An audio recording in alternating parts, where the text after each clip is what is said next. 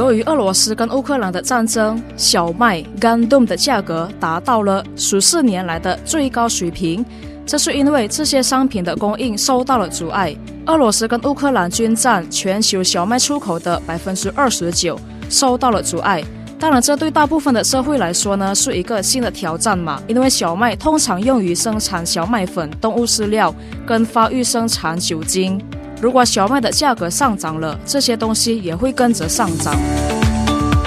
这里是幺零三点八 A Radio 新闻最前线的新闻短讲，我是柔秀。我们现在来看芝加哥小麦的期货价格，它在三月八号亚洲电子交易时段一度攀升了百分之五点四，至每普氏尔十三点六百三十五美元，超过了二零零八年全球粮食危机期间的水平。在过去两周呢，小麦价格攀升了逾百分之六十，因为这场的战争有效地切断了全球超过四分之一的小麦供应。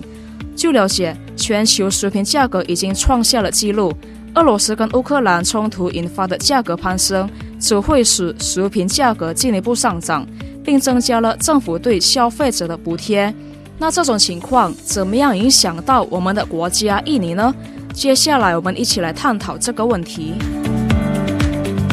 我们的国家印尼是一个热带气候的国家，因此不太会种小麦，所以对于面包啊、方便面啊和其他碳水化合物食物来源呢，我国是必须从其他国家进口小麦的。我国也一直被称为世界上最大的小麦进口国之一。仅在2020年，我国小麦进口额就达到了26亿美元，进口总量为1020万吨。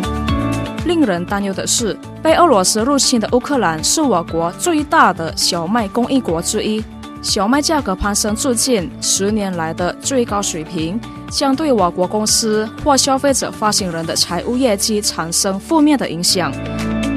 不可否认了，俄罗斯跟乌克兰战争已经开始影响到我们国家人民的口袋，譬如说无法补贴燃料价格大幅上涨。这还没有考虑到其他依赖俄罗斯跟乌克兰的商品的潜在增长，就像小麦这个大宗商品。